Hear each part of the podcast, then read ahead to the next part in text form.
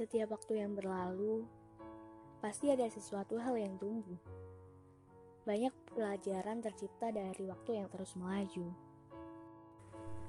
Pelajaran yang mampu memberitahu tentang bahagia, sedih, sabar, ikhlas, atau kecewa, apa pun itu.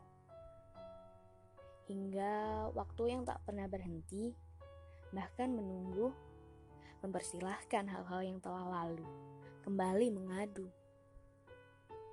Selalu ada saja jatah waktu untuk mengenang masa lalu. Semesta sepertinya tak mau tahu, sedangkan mengenang adalah hal yang paling seru. Kembali berjalan mundur, meraba-raba jalan yang gelap, jalan yang telah lama tak ditapaki. Lalu di jalan, menemukan kotak yang berisikan ingatan. Ingatan yang telah lama usang, berdebu. Kotak kenangan yang mungkin sudah bertahun-tahun lalu tersimpan. Yang membuat rindu ingin kembali ke masa itu. Bagaimana rasa itu tumbuh, kemudian bertemu, teringat gambaran wajahnya yang lugu, Kemudian, dengan senyumnya yang teduh, membuat teringat pada rupa itu, hati pernah berlabuh. Ya memang, mengenang adalah hal yang seru.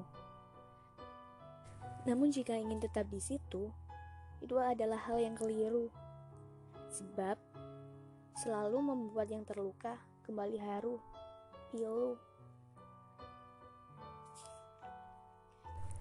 Cerita itu mungkin telah lama usai, namun kenangan tetap indah terangkai.